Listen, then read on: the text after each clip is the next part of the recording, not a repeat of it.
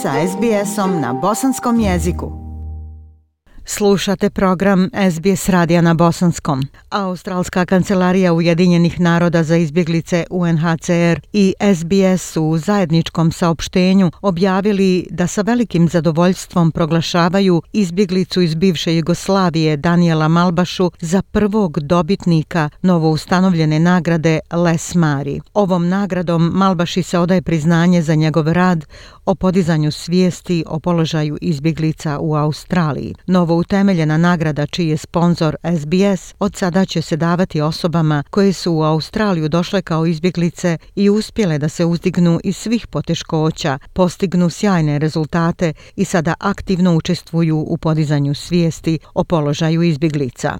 Nagrada je nazvana po sportskom novinaru SBS-a Lesu Mariju, koji je sam bio izbjeglica iz Mađarske. Piše Ebi Dinam. Počašćen ovom nagradom za svoj rad u pomaganju izbjegličkoj zajednici kao pravnik i advokat, Daniel Malbaša kaže da namjerava koristiti platformu da promijeni narativ o tome ko su izbjeglice. Danielu Malbaši su godinama govorili da zaboravi traumu iz prošlosti. Kada je imao sedam godina, njegov otac je poginuo od nagazne mine u Hrvatskoj i od tada se njegov život zauvijek promijenio. I think I stopped being a child at that point um, because uh, it wasn't that I only lost my dad, but my mom was also Mislim kind of lost da sam prestao biti dijete u tom trenutku, jer ne samo da sam izgubio oca, već je i moja majka bila na neki način izgubljena za nas, u smislu da je sada morala biti hranilac porodice i više nije bila majka na način njegovanja nas, samo je bila opsjednuta time da nas sačuva. Usred brutalnog građanskog rata, Daniel i njegov njegova dva brata i baka pobjegli su u gluho doba noći 1995. godine. Porodica Malbaša bila je dio masovnog egzodusa od 300.000 ljudi raseljenih zbog nasilja koji su iz Hrvatske došli u Srbiju. We spent 14 days in the back of a tractor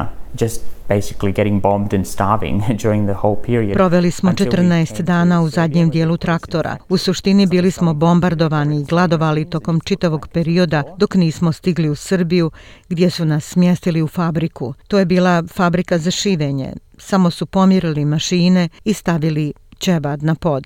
Živjeli su u improvizovanom izbjegličkom kampu sa 700 drugih izbjeglica pet godina, ali su se vremenom uslovi samo pogoršavali. Bez adekvatne hrane i zaliha, broj samoubistava stalno je rastao. Danielova baka izvršila samoubistvo na očigled djece koju je čuvala – Izbjeglice su bile diskriminisane kada su pokušavale doći do posla i verbalno i fizički napadane od pripadnika lokalne srpske zajednice koja ih nije željela tamo. Porodica je 1999. godine bila ponovo uhvaćena u unakrsnoj vatri rata na periferiji Kosova dok konačno nisu dobili vizu za dolazak u Australiju. I didn't really know much about Australia other than that it's safety.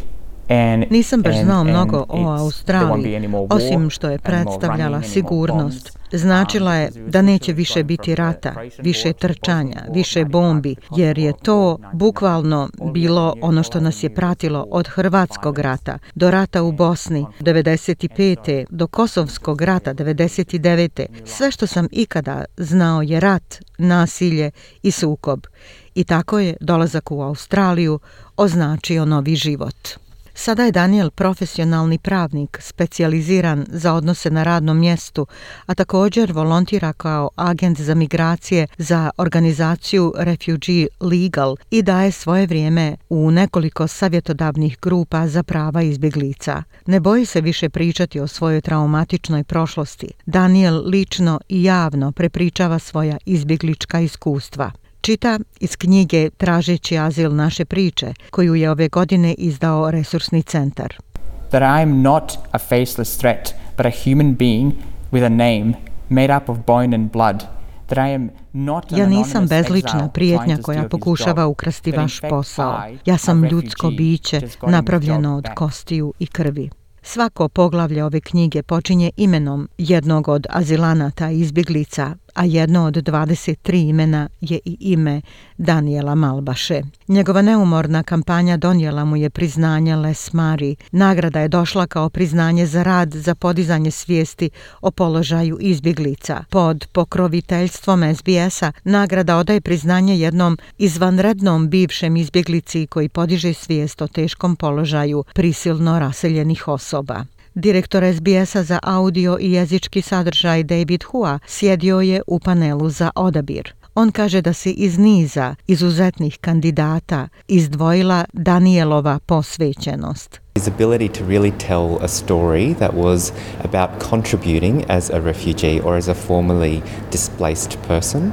Njegova um, sposobnost um, da zaista ispriča priču o svom doprinosu kao izbjeglici ili kao ranije raseljenoj osobi je izuzetna. Ima odličnu karijeru advokata, ali provodi toliko vremena podržavajući ljude koji dolaze kao izbjeglice. Daniel Malbaša se nada da će platformu koju je dobio kao inauguracijski dobitnik nagrade iskoristiti da promijeni narativ o tome kako šira javnost gleda na izbjeglice. Nagrada se dodjeljuje u saradnji sa Visokim komesarom Ujedinjenih naroda za izbjeglice. Zamjenica nacionalnog direktora UNHCR-a Trudy Mitchell kaže da je Danielov doprinos izuzetan. For other refugees, seeing um, person who has overcome uh, incredible challenges. Za um, ostale izbjeglice vidjeti osobu koja je savladala nevjerovatne izazove, ali je um, bila uspješna u svom poslu i u svom kreativnom životu je zaista divno, a za širu australsku zajednicu je važno vidjeti nekoga koji je bio izbjeglica i da i dalje daje svoj doprinos. Bivši izbjeglica iz Mađarske, Les Mari, bio je lice i glas svjetske igre you're a soccer fan, there's a pretty good chance you'll have to put up with my face on this screen more often than you think. Ako ste futbalski navijač, morat ćete trpiti moje lice na ovom ekranu češće nego što mislite. Njegova strast prema futbalu je dobro poznata, ali njegova strast prema ljudima i poboljšanju položaja izbjeglica objekovječena je ovom nagradom. Njegova kćerka Natali Mari kaže da je to prikladna počast za ostavštini njenog oca. He himself is an one example of many of refugees in Australia going on to do amazing things. On sam je jedan od primjera mnogih izbjeglica u Australiji koji rade nevjerovatne stvari a dio njegove misije bio je promijeniti percepciju o izbjeglicama u Australiji, jer oni nisu teret, nego doprinose zajednici. Da se ne razmišlja o izbjeglicama u smislu šta oni mogu uzeti, već šta oni mogu dati. A to je misija koju Daniel Malbaša namjerava nastaviti. Ja sam Aisha Hadži Ahmetović. Ostanite uz program SBS Radija. Like, share, comment. Pratite SBS Bosnian na Facebooku.